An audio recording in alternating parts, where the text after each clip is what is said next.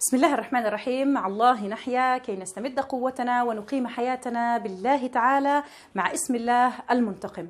اسم الله المنتقم اسم جديد من أسماء الله الحسنى وصفاته نتعرف عليها ونتعرف كيف نعبد الله تعالى بها وكيف نلقي بأثرها وظلالها على حياتنا كي نستمد من الله تعالى كل ما يلزمنا في هذه الحياة من العافية والقوة والسلام والطمأنينة وأيضا الانسجام في الحياة على الأرض. اسم الله المنتقم يعني هو فعل من أفعال الله تعالى، الله عزيز ذو انتقام. يعني الانتقام يأتي بمعنى الردع أو يعني إنزال العقوبة في حق من يسيء أو يؤذي غيره. الله تعالى المنتقم انتقامه يختلف عن انتقام البشر، البشر قد ينتقمون يعني من بعضهم ولكن انتقام الله تعالى يختلف في بواعثه تماما عن البشر.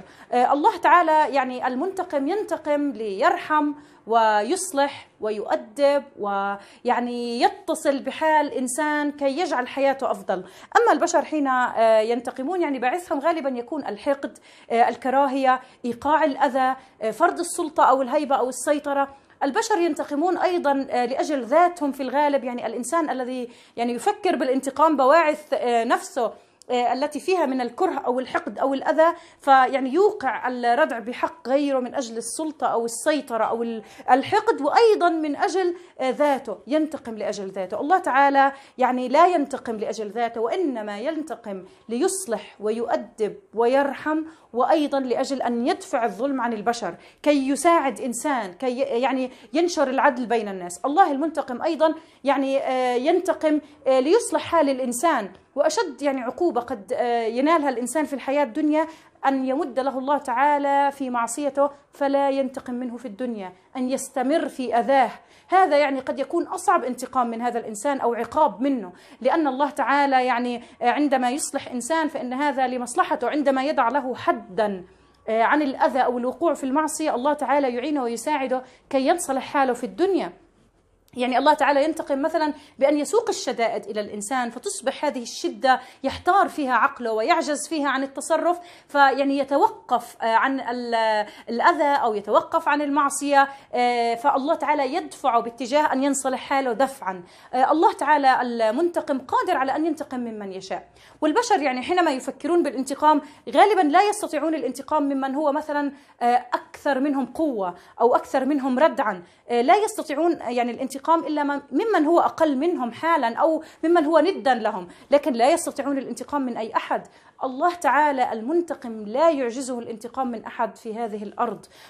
فيعني يمكن أن يعني يوقع العقاب والشدة في أي طاغية مهما بلغ يعني والتاريخ وقصص الأنبياء والقصص الأمم السابقة يعني ترينا كيف أن الله تعالى المنتقم في لحظات ينتقم ممن يشاء. يعني النمرود أرسل الله تعالى إليه يعني ذبابة في يعني أذنه فيعني آذته لدرجة أنه يعني لم يستطع أن يسيطر على حياته. أيضا يعني فرعون يعني موسى عليه السلام يعني عندما كان يعني خارجا ببني إسرائيل الله تعالى انتقم من فرعون يعني بعدة وسائل وفي النهاية اغرقه في الماء وجعله عبره وآية عبر التاريخ يعني نجى بدنه كي يكون عبره عن عبر التاريخ بما فعل وبما آذى قوم موسى عليه السلام. فالله المنتقم يعني في جميع قصص الأنبياء نرى كيف انتقم الله تعالى من الظالمين وممن عصوا الله تعالى.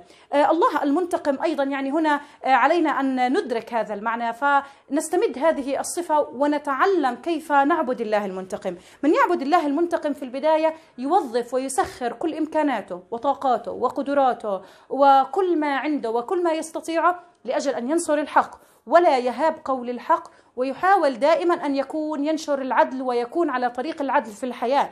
لأنه اولا يعبد الله المنتقم فلا يعني يحق إلا الحق وأيضا يعني فيسخر كل ما لديه من أجل هذا الأمر وأيضا يعني يدفع الظلم عن غيره يعني لا يكون سببا في ظلم الناس يخشى الله تعالى المنتقم. من يعرف الله المنتقم يعني شعور لا يستطيع الإنسان أن يمتلكه تجاه أي أحد إلا تجاه الله تعالى. وهو شعور يعني الحب المؤمن يحب الله تعالى.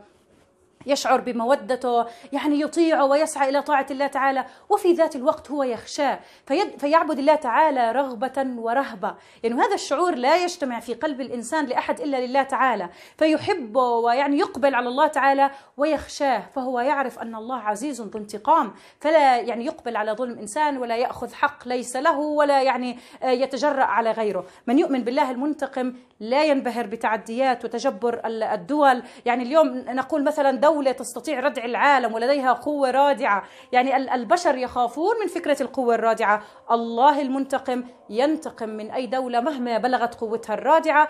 من يعبد الله المنتقم أيضا يعني آه، لا يخشى آه، من أحد ولا يعني آه، يعظم إنسان أو يعتقد أن الله تعالى غافل عن ظلم إنسان. الله المنتقم حتما ويقينا سينتقم ممن ظلم. في اللحظة المناسبة والوقت المناسب فتطمئن نفسه وتهدأ جوارحه وتسكن نفسه يعني ويستطيع أن يقبل على الحياة لأنه يؤمن آه، بالله المنتقم. يعني في النهاية من جمال اسم الله المنتقم أن الله ينتقم لأي كائن مهما كان بسيطا ولأي موقف مهما كان بسيطا. ولا يترك ظالم دون أن ينتقم منه. الله تعالى انتقم لأجل هرة لأنها يعني آه، امرأة حبست هذه الهرة فالله تعالى أدخل هذه المرأة النار. يعني دخلت دخلت امرأة النار في هرة حبستها. فيعني لم تتركها تأكل ولم يعني تتركها حتى آه، تستطيع أن تستمر في الحياة. فالله تعالى أدخلها النار. الله تعالى انتقم حتى لأجل الهرة. الله المنتقم لا يترك ظالما أو مؤذيا للبشر دون أن ينتقم منه. ولا يعني الإنسان أيضا لا يكون عونا للظالم. يعني قال الرسول صلى الله عليه وسلم يعني من أعان ظالما سلطه الله عليه. فهو يعني لا أيضا يكون عونا للظالمين ولا يبارك أفعالهم ولا يناصرهم ولا يؤيدهم. بل آه، طبعا يكون واضح في موقفه من الظلم والأذى. أسأل الله تعالى يعني أن نعي باسم الله المنتقم أن نخشى الله المنتقم وأن نلتزم بحدوده وأن نكون دائما دائما على الحق وعلى طريق الحق.